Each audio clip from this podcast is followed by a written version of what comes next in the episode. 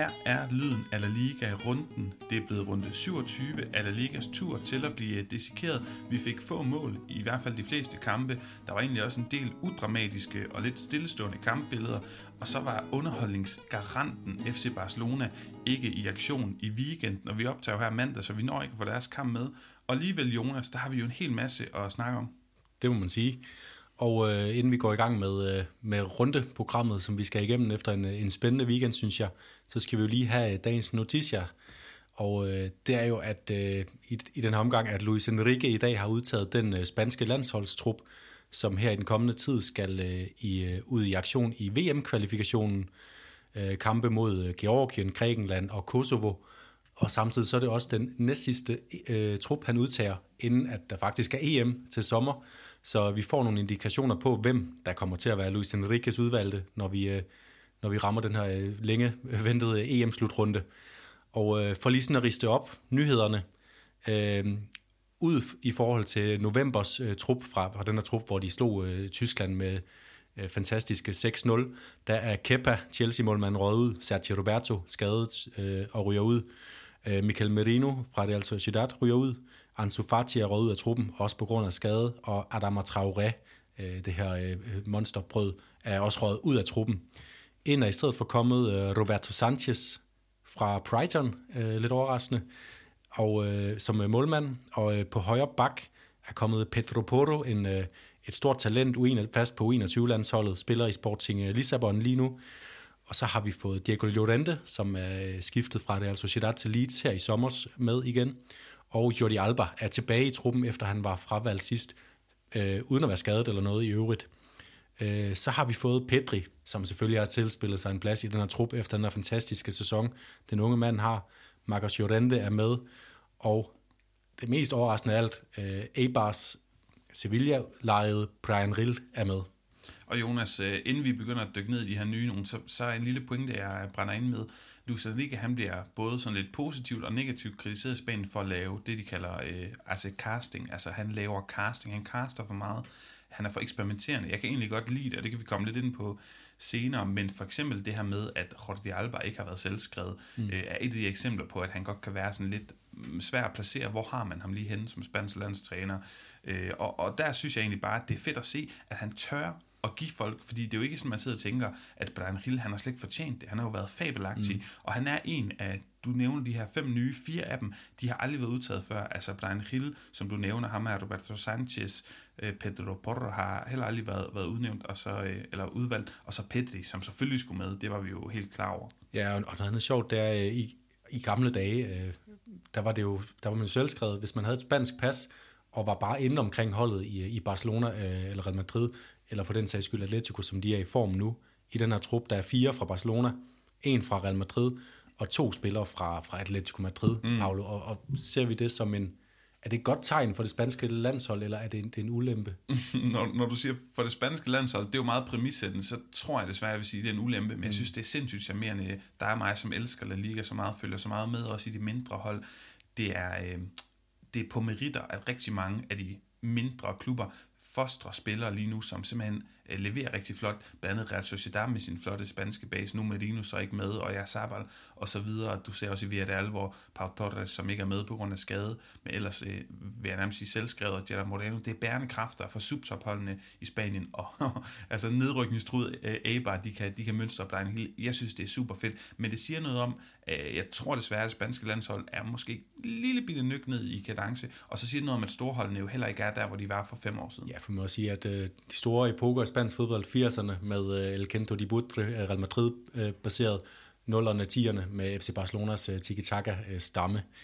Øhm, men lad os prøve at, at gå ned igennem. Vi kunne godt tænke os med den her snak ligesom at nå frem til, fordi Luis Enrique har brugt så mange spillere. Hvad vil hans galleopstilling egentlig være, når vi når frem til, øh, når vi når frem til sommerens EM-slutrunde, og hvad vi får indikationer på i de her øh, VM-kvalkampe. Mm. Øhm, og øh, Paolo, vi prøver at komme med et bud, og jeg, jeg taler os lige sådan igennem, der er nogle enkelte positioner, hvor der kun er, hvor der er nogle luksusproblemer, og så er der nogle positioner, hvor vi gerne lige vil diskutere, øh, hvem, hvem er egentlig den bedste se den her, og hvor, hvor det måske er lidt sværere at se kvaliteterne. Øh, på målmandsposten, Unai Simon kommer formentlig til at stå. Det ræger presser lidt på øh, med en god sæson i Manchester United. Øh, højre bak, der har vi Cavaral, hvis han når at blive klar rigtigt igen, ellers så presser Navas på, selvom han er lidt i form dyk. Vaskes lurer i kulissen. Øh, midterforsvaret ser ud til, trods alt stadig kommer til at bestå af Sergio Ramos og Pau Torres, selvom Mario Amoso presser sidstnævnte. Og så venstrebakken øh, Gaia fra Valencia, som dog også bliver presset af Alba, som lige pludselig er i form, øh, i form igen. Ja, jeg vil heller ikke ud, altså, hvad hedder det, jeg, jeg vil heller ikke afskrive chance for, at Reguilon øh, ja, faktisk både kan komme i truppen, men altså også starte ind, og det siger jo noget om, netop som du ja. siger, de har luksusproblemer, og de har jo masser af luksusproblemer, Jonas. Mm. Det har de også på, på, på den her, skal vi kalde den sekser-rollen. Ja. Altså Busquets, hvis han spiller, som man gør lige pt., så så bliver han nærmest nødt til at være selvskrevet. Ja. Men du har også bare en Rodri, som er så vigtig i Manchester City, og som alle i Spanien er enige om, at Busquets aftager. Kukke har vi set være måske den bedste cookie i mange år på den samme position for Atletico Madrid. Mm. Så det er endnu et luksusproblem. Men vi sidder alligevel begge to og måske klør os selv ja, i skægget eller håret over, over de lidt mere fremadrettede positioner. Ja, det gør vi. Og hvis vi tager, tager videre frem på, på pladserne foran Busquets, Rodri eller Koke, så har vi Marcus Llorente, som vi lige snakker om. Vi, vi tror, han er, han er selvskrevet mm. i, i den her opstilling øh, frem til sommer. Og så er der den anden 8-position, øh, der har vi nogle navne i spil, altså Pedri, det her nye, øh, mm. nye øh, håb i spansk fodbold, Sergio Canales, 30 år, øh, i sit, på sit karrieres peak, vel i virkeligheden, mm. i Betis. Michael Merino, som er dalet lidt i niveau, men stadigvæk er i gang med store ting i Real Sociedad, og stadig er en, en relativt ung alder. Og så Fabian øh, Ruiz, øh, som følger spansk fodbold bedst husker fra sit øh, gennembrud i Betis, men som bare spiller i, i Napoli øh, fast. Jonas, hvis jeg skal lægge ud, fordi at du lægger lidt op til, at vi skal diskutere, jeg er enig med dig i, at Marco Llorente i hvert fald ja. på meritter lige nu skal være selvskrevet på den her midtbane. En anden ting er så, at han passer mere på en, en tremands midtbane Atletico Madrid, måden mm. de er sat op på en, en, en hos Luis Enrique og, og landshold. Men lad, lad os lægge det til siden. Den anden 8 position, for at være sådan, nu gør jeg det sådan en lille smule, øh, jeg reducerer det og gør det lidt mere simplistisk for overdrivelse farmforståelsen. Pedri, han spiller bedst lige nu af de her spillere, men jeg tror ikke, han kommer til at starte ind. Øh, men, men pointen er, at, at jeg synes, han spiller bedst. Så har du Fabian og øh, Merino, som for mig minder lidt om hinanden. Det har det sagt, det lyder negativt, men det er sagt med den største kærlighed og positivitet. Det er nogle lidt kedelige, fornuftige spillere. Og det er måske også, hvis jeg må lige bryde den her, det, det er måske også det, der taler for, at de så kommer til at spille, fordi Marcus Llorente netop er blevet den her øh, øh, frembrusende spiller. Mm. Øh, det kan måske også tale for, at endda Kukke kan spille den position, øh, selvom han er blevet bedst som sekser efterhånden. Og det er jo det, så bliver det pludselig en diskussion om, hvem, hvem synes, vi skal spille kontra hvem tror, vi skal spille. Og og jeg tror og synes, at Marcos Llorente skal spille, men den er del med svær på den anden 8, fordi mm. som sagt, jeg synes Peter, de spiller bedst. Hvis jeg skal komme med et bud lige her nu, altså Fabian Ruiz skal man simpelthen ikke undervurdere i spansk fodbold, hvor stort et navn han er. Oh, den, ja, og Luis Enrique har også øh, haft stor, stor tillid til ham øh, igennem sin tid som landstræner. Jamen prøv, prøv du at lægge ud, hvis du virkelig er svær på den her. Jamen, jeg, det, jeg tror, at Fabian Ruiz, jeg, jeg hælder til ikke at sige ham, fordi jeg følger ikke så meget med i hans karriere, men mm. man kan bare se, at Luis Enrique, han, øh, han stoler på ham. Alternativt tror jeg, at Michael Merino står nummer, nummer to i køen. Han har så bare ikke udtaget den her gang. Nej, det er lidt præcis. problemet. Men det er også det, vi var inde på, at, at han eksperimenterer en gang imellem. Og hvis jeg lige skal være sådan ja, altså undergrave vores egen, vores egen opbygning af det her selv, så kunne han også sagtens finde på at spille med Busquets eller Rodri på sekseren, og så rykke Koke op, som du siger. Ja. Og så er der jo angrebspladserne. Ja, der sker ting og sager. Altså, Ferran Torres har spillet ud til højre. Han spiller desværre ikke for City nu. Adama Traoré er klædet, klædet ud. Jeg tror, Ferran Torres ligger til at stadig at skulle spille den, mm, øh, selvom at han, han øh, mangler lidt spilletid nu. Øh, han har simpelthen været så god. Mm. Og så øh, har vi den her angriberplads. Øh, Morata øh, har budt sig til. Har også godt gang i det i Juventus lige nu, selvom at de øh, ikke er i deres bedste tid. Og så Gerard Moreno, som øh, vi snakker om uge efter uge i det her program. Ja, det er lige før, jeg vil sige, siden at David Villa har der været sådan en diskussion i Spanien om, hvem skal være nieren. Der var en lang periode med Diego Costa og også Morata tidligere. Og det virker som om, at det ikke er et spørgsmål om, hvem der er bedst, men hvem der bedst kan tilpasse sig rent pragmatisk den her spillestil. Gerard Moreno har vi, er vi blevet enige om i de her udsendelser er bedre på højre kant, men jeg tror faktisk, det ender med at, at blive ham, der skal spille nier for mm. spanske landshold. Det tror jeg også, fordi det gør ikke noget for det spanske landshold, at deres nier er mere bevægelige end, end almindeligvis nier er. Så er der nogle kaniner i hatten, man kunne hive op. Aspas, hvis han bare bliver ved og ved. Hvorfor ikke lave sådan en, en ny Adoris, og så have en, en gammel angriber med. Mm. Øh, Alcácer øh, står i skyggen af Gerard Moreno på alle mulige måder, men en anden type, en mere, øh, mere klassisk nier, og så Roya øh, Marti fra mm. Levante, som bare bliver ved med at score. Ja, som har været god på det seneste. Jeg tror, jeg taler for os begge når jeg siger, at venstrekanten er vi ikke, øh, vi er ikke særlig meget tvivl om, at det nok bliver Michael Oyarzabal, og så potentielt Daniel Olmo, der kan presse sig på. Jeg tror, at Ansu Fati havde været selvskrevet som start, øh, i, altså i start 11'eren, hvis ikke at han havde været skadesbladet den her sæson, og jo ikke formodentligt når at komme virkelig op i gear inden em slutrunden. Nej, det er også det. Han, han når heller ikke at have nok tid som fast starter øh, på højeste niveau øh, i bagagen til, man måske vil satse på ham til en EM-slutrunde, selv hvis han kommer tilbage her inden for den næste måneds tid. Så ja, ja der tror jeg også, jeg, jeg tror, at Sabal kommer til at spille den position. Men Jonas, med de ord, så lad os øh, komme i gang med rundegennemgang. Det er fedt også lige at få lov at snakke lidt om det, om det spanske landshold. Men ja, lad os tage rundegennemgang efter en breaker her. Ver un partido que quedará para la historia de los aficionados del Atlético de Madrid y que nos llena de orgullo como club una vez más estar entre los ocho mejores de, de Europa. Jonas, runde 27, den startede fredag aften, Valenciansk derby, og den her gang det rigtige inde fra byen Valencia. Levante, de vandt 1-0 over, øh, over Valencia, og Valen, Valencia, de er jo altid endt over Levante øh, i tabellen i historien i La Liga, så længe begge hold har selvfølgelig været med, øh, hvor det virkelig har været sjovt.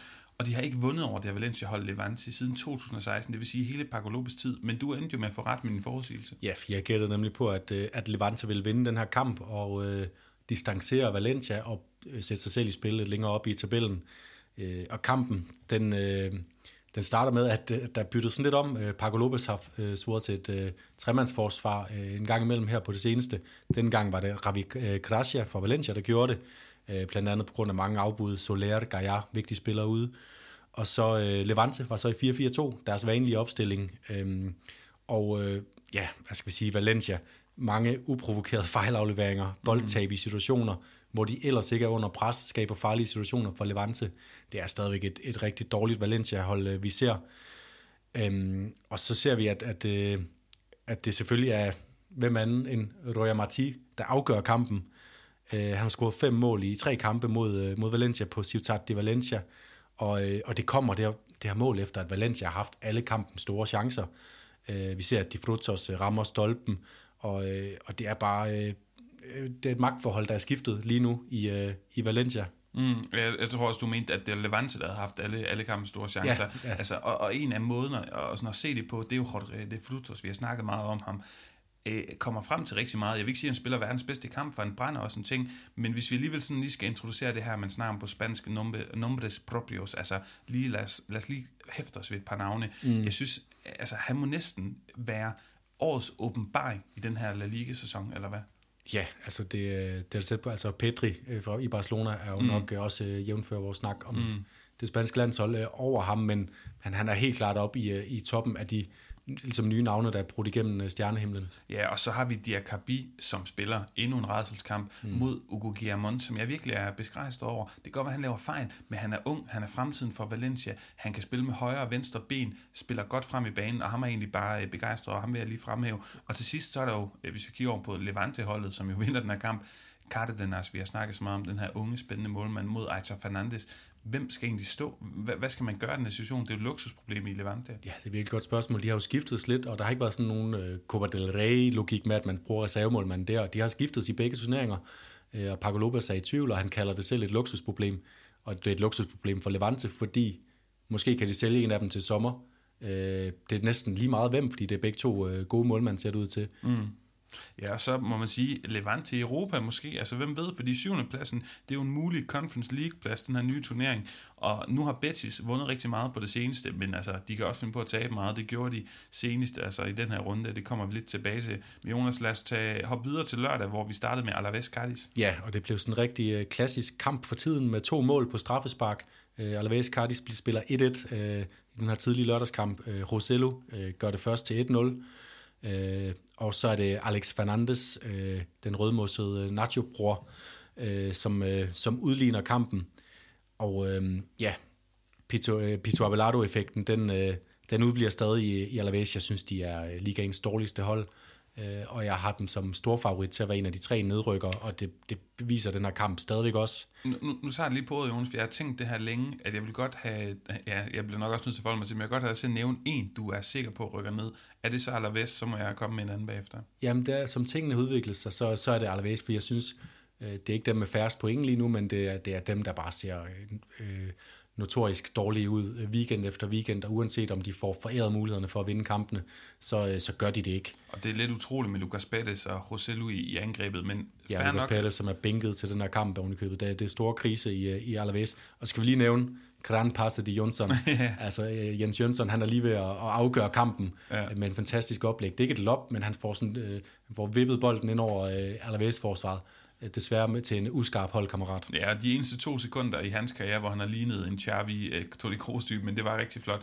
Hvis jeg lige hurtigt skal komme med et bud på en, en, en nedrykker, ikke fordi det handler om uh, Alaves Cardis, så tror jeg, at uh, Elche rykker ned, og jeg synes egentlig, det er de bundhold, der spiller bedst og scorer mål osv., men de kan ikke finde ud af at holde buret rent, og så kan du også bare se på resultaterne, at uh, det går ikke deres vej. Lad os snakke lidt mere i dybden om Real Madrid Elche. Den ender jo 2-1. Du får Sergio Ramos og Azar tilbage. Zidane kommer i en 3-5-2, hvor både Varane, Ramos og Nacho skal i midterforsvaret.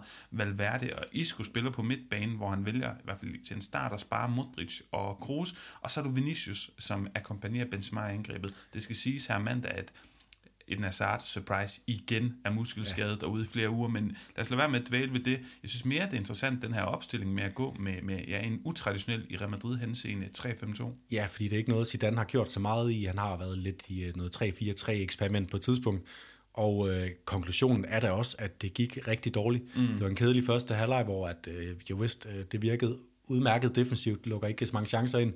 Thibaut Courtois skulle lige have den øh, notoriske øh, store redning i, øh, i kampen og, øh, og frem af banen, der sker bare ikke noget som helst. Altså, der, der er nogle få positive, gode, øh, positive ting ved det her. Det her med at have Vinicius liggende tættere inde på Benzema, det, det viste sig at skabe nogle muligheder i kontraspillet, ligesom vi så i gamle dage med, med øh, Angel Di Maria og Ronaldo, der løb udenom Benzema, mm. og så Benzema, der også selv i det her tilfælde kom frem til afslutningen.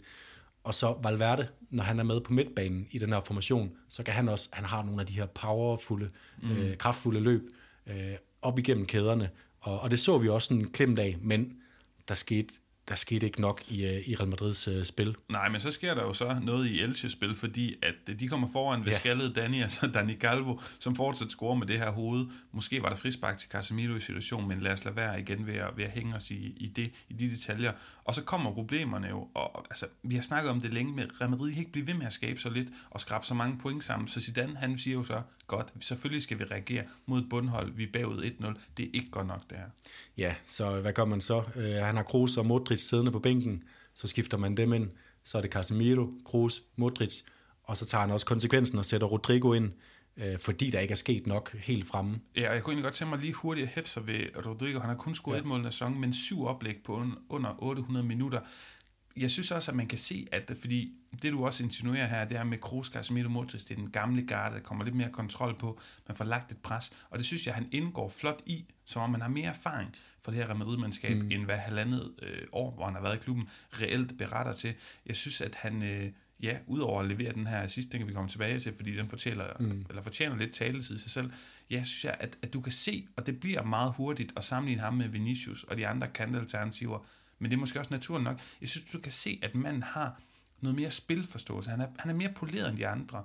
Både i kombinationsspillet generelt, i hvordan han taktisk er moden, og så selvfølgelig også oplægget, vi, ja, som ja, sagt, synes, vi kommer tilbage til. Jeg synes simpelthen bare, at han er mere spilintelligent, end for eksempel Vinicius er. Mm. Øh, det, skal lige sige, det sker efter 65 minutter, de her indskiftninger. Der går lige lidt tid, inden at de rigtig kommer i gang. Men da de så kommer i gang, så bliver det det her øh, gode gamle Real Madrid-pres op mod målet, hvor man bare, hvor man, det er ikke fordi, de skaber vildt meget, men man, man kan fornemme, at der er et tryk mod mm. Elches mål, som det skal være, og som det burde have været i større del af kampen. Det er så selvfølgelig Benzema på et oplæg fra Luka Modric, fremragende indlæg, fremragende sted til værs af Benzema. Det skal lige siges, hvis jeg var et bundhold, der var i gang med at hente et stort øh, resultat på øh, øh Real Madrids bane, mm. så ville jeg ikke sætte øh, min angriber, øh, som Elche kører her, øh, til at dække Benzema op, Lucas mm. Boyer, der bare bliver over, oversprunget af, af Benzema inde i feltet. Mm. Øhm, og ja, så kommer vi jo frem til, til det afgørende mål. Øh, vi er inde i overtiden. Benzema til Rodrigo til Benzema, mm. og så et fremragende hug. Øh, og, og fremragende, som du også nævnte, er Rodrigo. Ja, altså det, og det, det bliver jo sådan lidt simpelt, øh, for simpelt måske, at, at tolke så meget på, men jeg har alligevel lyst til at tolke på det med, at han får en lidt, jeg vil ikke kalde det en håbløs bold, men en svær bold, der arbejder med for Benzema, der jo, der jo søger den her band, det her bandespil, og så med allerstørste selvfølgelighed, så tager han den bare ned til, og jeg vil ikke sige perfekt højde, det er det ikke, men, men bare sender den videre med bryst slash skulder til, øh, til, til, til Benzema, som så æstetisk perfekt flugter den ind i kassen, og vi bliver nødt til at snakke om, om Benzema Jonas. Han har været den bedste Real Madrid-spiller i 2018-19 sæsonen efter Ronaldo, som man glemmer, fordi det var en dårlig Real Madrid-sæson, men han var fan outstanding individuelt. Han var outstanding sidste år. Ja. Klart holdets eneste offensive referencepunkt, og det er han igen nu for tredje år i streg. Altså man bliver nødt til at snakke, med, øh, snakke om ham, især fordi, udover at score mange mål, udover det her narrativ med, da Ronaldo var der, at han ikke er en målscorer, det viser han så nu, han er, han kan bære offensiven selv, så kigger du på hans, hans de folk, der akkompagnerer ham i offensiven, og mm. sorry, men det er bare impotens ja. ved siden af ham. Der sker ingenting. Øh, vi har Asensio, som, som stadigvæk hænger i bremsen. Vinicius, der sker noget hver tredje kamp fra ham, og så tænker man, øh, nå, måske var der alligevel noget om det der talent. Mm. Det, det kommer ingen vegne. Øh, og så Isco, det er så, han spiller sådan en anden position, men han har bare igen en, en ikke eksisterende rolle i, i, i kampen. Øhm, og så er der det her, øh, vi har snakket om det mange gange i den her øh, sæson, som du siger, det her med de smalle sejre, Real Madrid får. Øh, også mod de små hold. Mm. Jeg, har, jeg har prøvet sådan lige at, at undersøge lidt, hvordan, hvordan er det egentlig gået Real Madrid mod dem, som jeg betragter som nedrykningskandidater. Mm. Øh, for lige hurtigt at tage dem. Der var jeg lidt, har de spillet mod to gange. To 1-0 sejre. Det ene af dem selvfølgelig på sådan et øh, Casemiro-mål i en kamp, hvor de ellers er presset. Øh, Huesca vinder de så 4-1 over hjemme øh, 2-1 ude på et Varane-mål i det 84. minut. Igen sådan besværlig, øh, bes, på besværlig vis, de får hentet de 6 point i de to kampe mod dem. Alaves får de også en stor sejr mod ude. Alaves, som vi lige har snakket om, ligaens dårligste hold måske. Mm. Den taber de så 1-2 til hjemme, så de har fået øh, halvdelen af pointene mod dem. Elche 1-1 ude i nytårskampen, og så den her øh, kamp, vi lige så, hvor Benzema skulle helt frem i overtiden for at afgøre det. Eibar vinder de 3-1 år ude, fint. Retaffe 2-0 hjemme, fint. Osasuna har de spillet mod en gang 0-0. Cardis har de spillet mod en gang 0-1 nederlag hjemme. Det er ikke imponerende, og det er ikke sådan, vi kender Real Madrid. De skal have nogle store sejre, de skal være overbevisende i de her kampe. Bare en gang imellem i hvert fald. Jeg er fuldstændig enig. For at sige det på en anden måde, de sidste fem mål, de har scoret, og det er altså de sidste fire kampe, de kun har scoret fem mål, det er jo en anden måde at skitsere et problem på. Målene er faldet i 86. minut, 89. minut, 88. minut, og så i den her kamp første i 73. det sidste i 91. Vi kan bare sige det mega simpelt, Jonas. Det er ikke imponerende. Det er Nej. decideret ikke pænt at se på det her fra Real Madrid, men de får jo de point, og, og måske er det en svaghed, som er Real Madrids uschammerende, uimponerende styrke på en mm. eller anden mm. måde, for det lugter meget af deres post-corona-form, hvis du spørger mig. Den, der gjorde, at de og vandt de sidste 10 af 11 kampe, og altså indhentede Barcelona og vandt den her coronaliga. Og så lugter det også af det her med Benzema's legekammerater, øh, øh, og jeg tror også, det er en årsag til, at Zidane han vælger at spille den her 3-5-2, fordi han mister ikke noget ved at tage en af de tre forreste ud, fordi de simpelthen spiller så sløjt. Og lige for at følge op på det, så har vi... Øh, så har vi aftalt lidt, sådan en lille leg med lige at prøve at finde på øh, nogle bud på, hvem Real Madrid kunne forstærke sig med fra øh, La Ligas subtop øh, på de her forreste pladser. Og der er det måske vigtigt at sige, at det ikke er så meget realismen i at sige, øh, ja, hvem tror vi, de henter, som mere at sige, hvis du bare lige som tankeeksperiment får lov at hente en spiller fra en subtopklub ind og forstærke den her offensiv, fordi det er jo sigende nok i sig selv, hvis der er en masse spillere hente i subtoppen, som kunne forstærke Vinicius, Asensio og, og så videre, deres præstationer. Og det vil jeg mene, der er. Jeg kan starte med at lægge ud, vi har snakket om ham mange gange, tidligere Madrid-talent, Jorge de Frutos. Mm. Spiller han i den her offensiv, så vil jeg ved med, det ser pænere ud. Og de har en tilbagekøbsklausul på ham i øvrigt, så nemt at hente ham tilbage mm. for at snakke realisme. Øh, jeg har så øh, snak, øh, tænkt på øh, Michael Oyarzabal, mm. og der er vi lidt mere ude i sådan en, en krakhandel, altså en, en, en dyrt indkøb, stort mm. navn, som der vil være store forventninger til.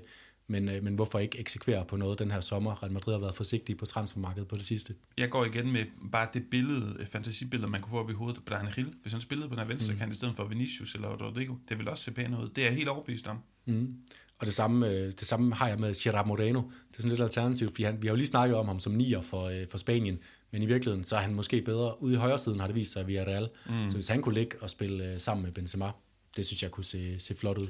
Men Jonas, lad os slutte den her 2-1 Real Madrid sejr mod Elche af med en kort bemærkning forud for den her Atalanta-kamp. Skæbnesvanger tør jeg godt kalde den, den de skal spille i morgen. De er foran 1-0 efter første opgør. Jeg tænker avancement eller fiasko, og så tænker jeg også, den her 3-5-2, vi så mod Elche, er det for at øve, at de også skal spille en 3-5-2 mod Atalanta, fordi de er uden Casemiro, der sidder over med karantæne, mm. og det er en måde at, at, at styrke defensiven på jo ja, så kan man ligge med, med Kroos øh, puttet ind mellem øh, for eksempel Modric og Valverde. Øh, og jeg vil sige, jeg, jeg tror på, at det bliver, bliver der avancement for Real Madrid. De så så, det var, ikke, det var en grim kamp, den der nede i, over i Italien, mm. men det så så alligevel så Champions League cool, Real Madrid-agtigt ud, den måde, at de så alligevel får hævet 1-0 med hjem, og, og nu tror jeg, de, de kører den hjem. Så kommer vi videre til en anden lørdagskamp. Øh, Osasuna Valladolid ender 0-0. Vores venner i angrebet, i hvert fald i podcast, vi har Ros Budimir og Kajati, de er måske blevet uvenner efter den her kamp, fordi at Kajati han scorede, og Budimir blokerede øh, målmanden Robertos udsyn, så det blev altså annulleret. Osasuna med den her uafgjort, de bevæger sig stille og roligt op på en position, der er ret komfortabel i forhold til deres, øh, deres pointantal. Det signalerer i hvert fald endnu en sæson i La Liga, og det er altså flot, fordi de har spillet en hel sæson uden deres store profil, Jimmy Avila. Og øh, omvendt Valladolid det er selvfølgelig også fint at få en uafgjort, øh, som de gør, men øh, lidt i mindre grad imponerende end Osasuna, og vinder de ikke snart nogen kamp, så bliver det til en, øh, eller så bliver de uundgåeligt en del af nedrykningsdrammet til det aller, aller sidste. Lad os hæfte os noget mere ved Getafe Atletico Madrid. Den blev egentlig også 0-0, Jonas, men jeg er overbevist om, at vi kan, vi kan snakke øh, lidt mere om den her kamp. Der er jo den her stime, der blev fuldstændig kørt op i spansk presse, øh, og tænker også med, med altså forståeligt, 18 kampe i træk, uden sejr i Atletico Madrid Getafe. Det er altså lillebror Getafe, der ikke har vundet i 18 kampe i streg. Det er over 10 år, de ikke har vundet mod Atletico Madrid. Og et godt eksempel på, hvor meget det betyder, det var, at Pepe Bordalas, der er mange manias, hedder det i Spanien, mm. mange hvad hedder det, overtroiske vaner og ting, man gør før kampe. Bordalas, han satte sig for første gang i, jeg ved ikke hvor mange år, på den forkerte, eller den omvendte bænk af, hvad han altid plejer på ja, øh, når, når han skal spille på hjemmebane på Coliseum med Alfonso Pérez. Og, og jeg kan huske, at, at der kommer tv-billeder, hvor at, øh, hvad hedder han, øh, Simeone kommer ind, skal til at gå over til den ene side, så siger han, hov, der sidder Bordalas, det plejer han da ikke, jeg går over på den anden side. Det var en måde for Bordalas at prøve at ændre på det. Det bliver så 0-0, de får et point, men de får altså stadig ikke scoret.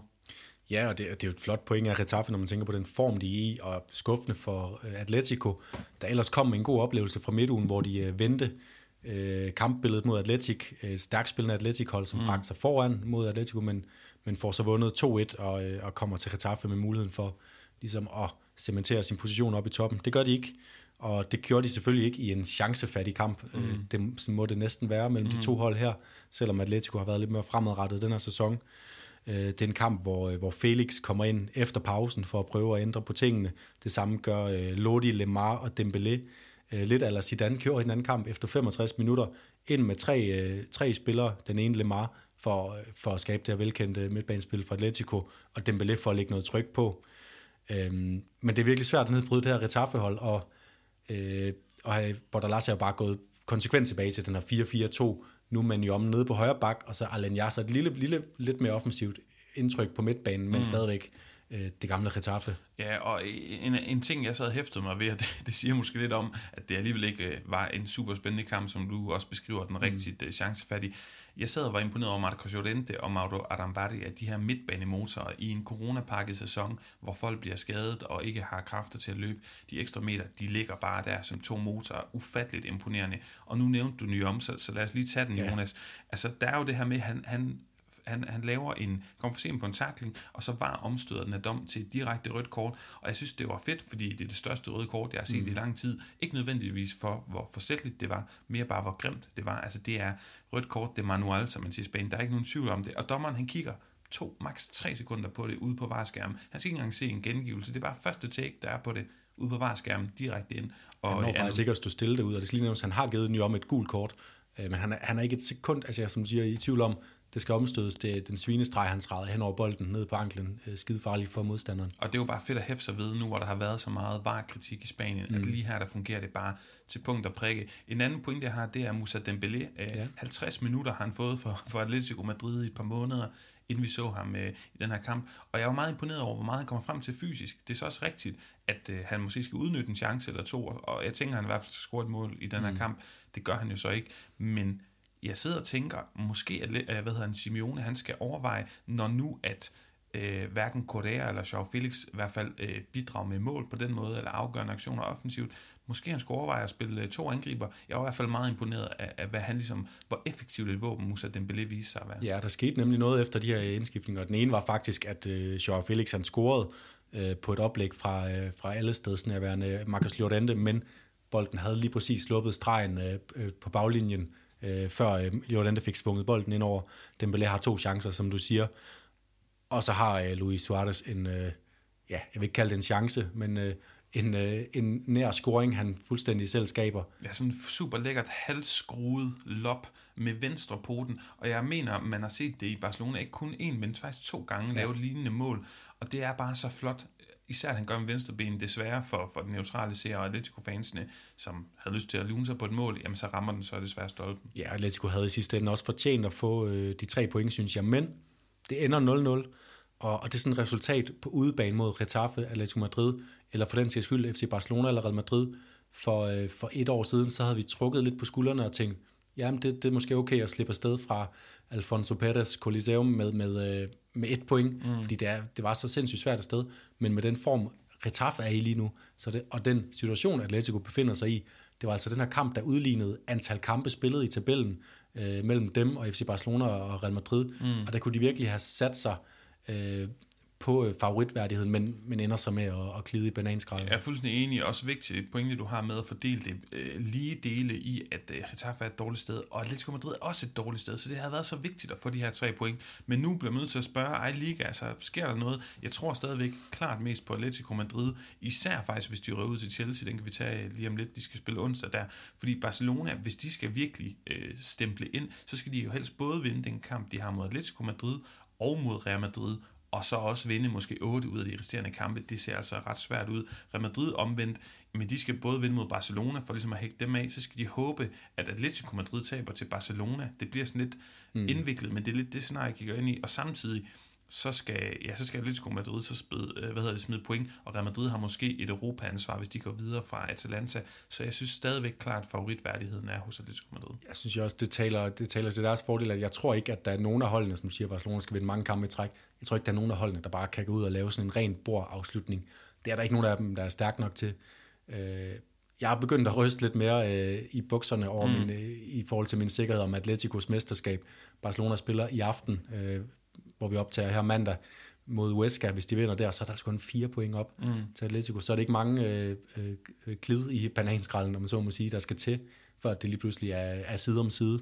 Meget enig, Jonas. Øh, altså, vi ryster mere på hånden i forhold til, at vi var sikre, men ja. stadigvæk vurderer vi, at Atletico Madrid i hvert fald stadig favoritter. Ja, det men, synes jeg. Men før der gav vi jo allerede titlen på forhånd, ja. og det, det, måske vi lige vil vente det tør vi ikke. Øh, en kort bemærkning igen forud for den her Chelsea-kamp. Jeg kan ikke lade være med at tænke overskriften det her, det er, hvis Atletico Madrid rører ud, de er bagud 1-0 i hjemmebanekampen, der ikke blev spillet mm. i Madrid, men i hvert fald øh, som udgangspunkt, altså, øh, hvad hedder det, er Chelsea favoritter til at gå videre. Hvis de rører ud Atletico Madrid mod Chelsea i 8. finalen, er det så godt eller skidt for deres øh, titelkandidatur. Jeg tænker umiddelbart, eller mange tænker, at det vil være godt. Jeg kan ikke finde ud af, om det er godt eller skidt, fordi vinder de og går videre, ja, så er der mere ansvar, øh, flere, kan man sige, øh, udebaneture og så videre, bare generelt, der er flere kampe, der skal spilles. Men omvendt kunne de få et kæmpe boost og et momentum, og lige nu er de lidt nede i en dal. Ja, jeg tror nemlig, de har brug for den der, den der optur, og det vil være at gå videre og måske få en god lodtrækning til en kvartfinale, og have det der i udsigt, at man kan gøre noget endnu større end bare, end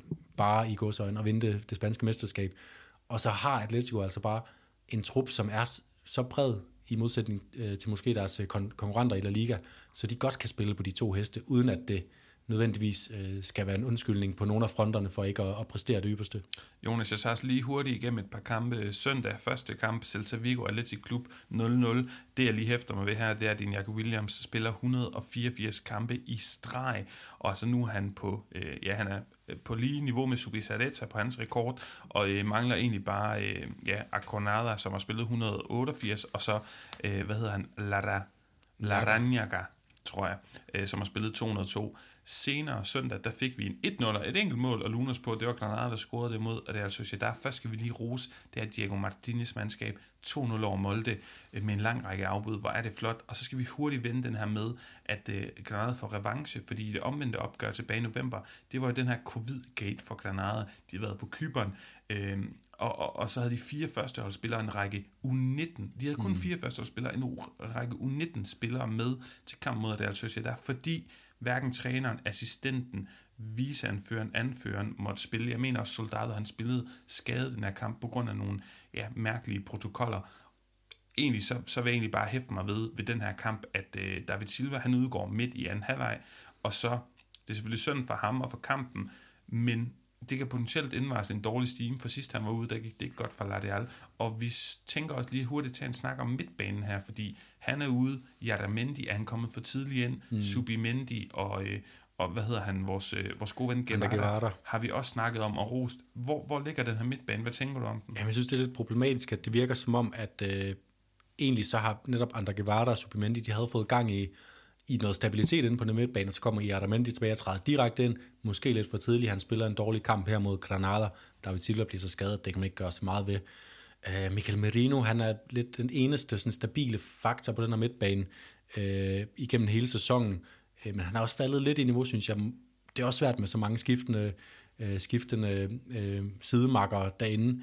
Så jeg synes faktisk lidt, at vi er begyndt uh, at være der, hvor det er den her centrale tremandsmidtbane for uh, Real Sociedad, der er deres der er deres problem i forhold til at finde stabiliteten.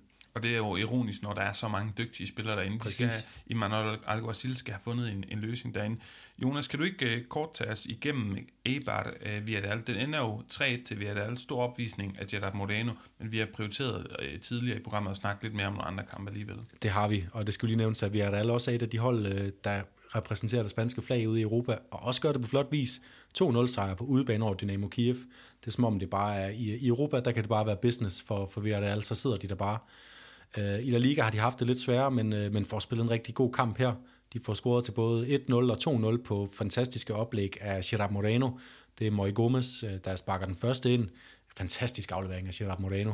Carlos Bacca den anden, efter Manu Trigueros, han vinder, øh, vinder bolden på midten, sender Gerard Moreno afsted, og så kender man vejen. Øh, så kommer der lidt mærkelige situationer. Først så redder øh, Sergio Centro et Burgos straffe, øh, som sidder lige midt i målet. Han får ligesom pæret den ud med fødderne. Og øh, minutter senere, så dropper han simpelthen øh, kæmpestort øh, Arcentro. Øh, en ufarlig Sergio Enrique afslutning, der så ender med, øh, at han hverken får taget de rigtige skridt ud mod stolpen, og da han så endelig får fat i bolden, så er der også en smørhandske glider ind i eget net. Øh, det får ikke nogen konsekvenser øh, for Villarreal, fordi at øh, Gerard Moreno endnu en gang øh, øh, sender sin, en af sine medspillere afsted, Alfonso Pedraza, som så bliver reddet af Dimitrovic, men på, på flot, øh, med en flot reaktionsevne, mm. og godt spark også for, for bragt 3-0-målet ind i, 3-1-målet ind i, i netmaskerne. Ja, undervejs var der også lidt hårdt rødt kort til ja. Etienne Carbuya. Man kan sige, at Eibar, altså, de har, de har været bedre, end hvad resultaterne ligesom viser. De fortjener mere, men de har haft det svært. Det har jo måske også noget at gøre med, at de har mistet mange nøglespillere. Først mm. Dani Garcia og Andacapa til Atletic Klub, Cucurea, Joan Jordan og Peña i, i sidste sæson, og så altså forud for den sæson, både Orellana, Escalante, Charles og øh, Rami og Jonas, så skal vi selvfølgelig snakke El Gran Derby til sidst, som lukkede og slukkede, øh, ja i hvert fald weekendens kampe. Sevilla, de var faktisk gode mod Dortmund, men kom ikke videre, og, og Betis har været rigtig gode for nylig. Men kan vi lige prøve hurtigt at snakke om, hvorfor den her kamp er så stor? Det er jo to flotte stadion, store fanskare, nogle af de bedste hymner i, i Spanien. De følges okay ad i forhold til status. De havde den her nedrykning, oprykningssituation i starten af nullerne. Og så er det jo meget Betis arbejderklasse mod den sociale elite hos Sevilla, for at skitsere det sådan helt mm. kort. Øh, I 1909, der øh, kan man sige, Betis, de, de, de var egentlig en del af Sevilla, og så gik de ud. Der var nogle folk, der var uenige i, hvordan måden øh, Sevilla blev, blev ligesom håndteret på, og så gik de ud og skabte den her Betis-klub. Og det er nogle af de konflikter, der er øh, i det her derby, som er så stort. Ja, og så har de vundet et mesterskab hver et meget tidligt i historien. Øh, Betis i 30'erne, mener jeg, øh, Sevilla i 50'erne. Og så er det de der et, øh, øh, derbys, hvor det sådan er infiltreret i familielivet og øh, det kollegiale samvær på arbejdspladsen i Sevilla, fordi at det, selvom de har været deres status som social elite og arbejderklasse, så, så, så er det ikke givet, hvad man holder med. Det eneste, der er givet, det er, at man holder med en af Sevilla-klubberne, hvis man er øh, Sevillano. Mm. Og så kan man sige, Jonas, altså der var noget lidt nyt fra Lopetegi. Papu øh, Gomes spillede, øh, spillede på midtbanen. Real Betis synes egentlig starter bedst i højt pres, og, og Sevilla var sådan lidt, ja, lidt langsom. Der var en situation, hvor der måske skulle have været dømt straffe til Canales, det tror jeg egentlig, jeg tænker. Men lad os tage det 1-0-mål, vi fik og lune os på. Det var jo uh, Jesus, god gamle Jesus Navas. Ja, det var Jesus Navas, og han uh, lige efter en lidt dårlig Sevilla-indledning, synes jeg, Real Betis får presset dem højt. De spiller langsomt øh, Sevilla, det, det fungerer ikke for dem. Øh, så finder Navas øh, med øh, en fantastisk øh, chipbold. Øh, der finder han simpelthen øh, Nesiri i ryggen på langsomme, langsomme Victor Ruiz. Og så det, der sker derfra, det er simpelthen øh, det er fantastisk angriberspil. Tre berøringer bruger øh, Enesiri. Den første lægger han til rette i, med, i sit eget øh, medløb, holder balancen, men en, en lille berøring, så får han den lige uden for, øh, for rækkevidden af Joel ind i målet, og så fra en meget spids vinkel får han kilet den ind mellem øh, Betis forsvarsspilleren og stolpen, med en helt perfekt afslutning.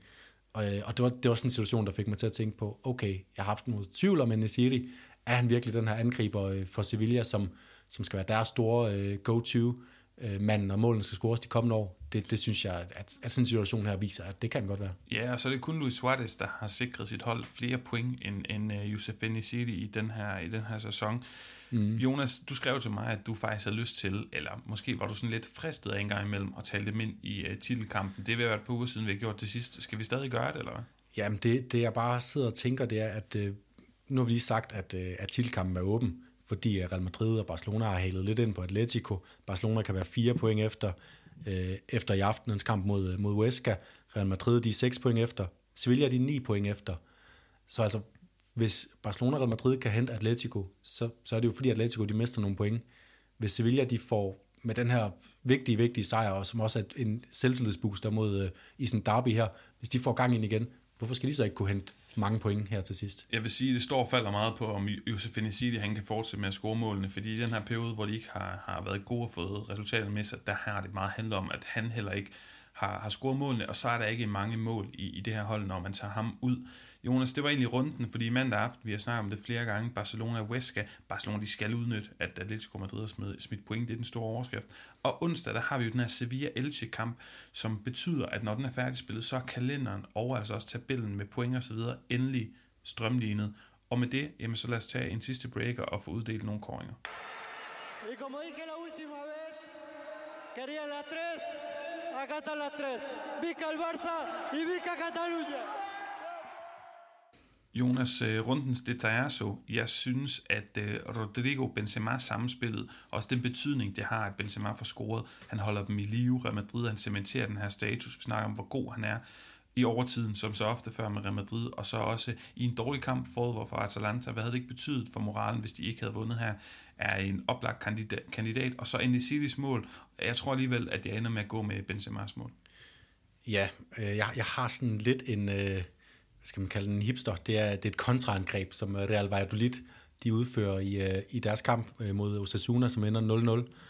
Det er, det er Janko, den her øh, svejtiske højreback, som er noget af en raket. Jeg, jeg, har, jeg har snakket lidt om ham tidligere. Jeg tror, han bliver rigtig god i fremtiden.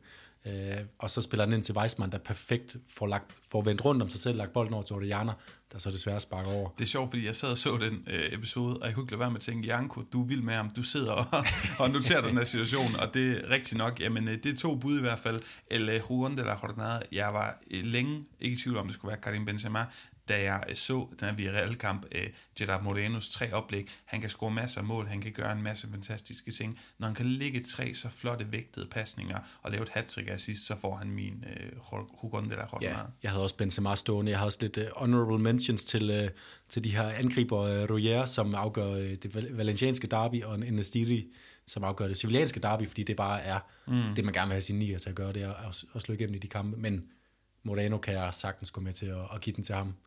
Og så lad os op til Woodgate, den negative historie af ugen. Øh, jeg synes, det der Asenjo-drop i forbindelse med det her mål, altså den triller igennem handskerne på ham, og den når akkurat ind over stregen, inden han sådan lige febrilsk får den fisket ud af målet, og heldigvis er var der til at sige, prøv at det er der et mål, den har været ind over stregen. Jeg synes øh, ikke, det ligner en målmand i den der klasse at gøre sådan noget. Nej, enig. Øh, jeg har, øh, min, min Woodgate, den går til tilskuerlyd og øh, falske tilskuere ja. på stadionerne. Jeg hader det, og jeg mm. hader det mere og mere for hver gang. Øh, og jeg hader det allermest, når jeg, øh, når jeg faktisk bliver snydt af det. Mm. Nogle gange, når jeg sidder og ser en kamp, så øh, ja, man vender sig inden, lidt til det. Så tænker jeg, det er en, det er en fed kamp, god mm. intensitet, vi har, øh, vi har, vi har at gøre med her, men, men det er det bare ikke, og øh, ja, det kan ikke øh, gå hurtigt nok med at få det ud af vagten. Nej, jeg er fuldstændig enig, og det er nemlig det med, at man sidder og bliver sådan, ja, snydt af, åh, fed kamp og god stemme, jeg er fuldstændig enig, og det, det, det er lidt hårdt at indrømme, men når man sidder og ser så mange timers ligabold i løbet mm. af en, en weekend, så kommer man til at sidde og falde lidt hen og sige, åh, fedt med de her uh, tilskuere. Som... Ja, det er nemlig også, det er også bare respektløst over for, for fansene, fordi mm. det, er, det er dem, der skaber kulissen, og det skal ikke erstattes nogensinde af, et eller andet computerlavet lyd. Meget enig.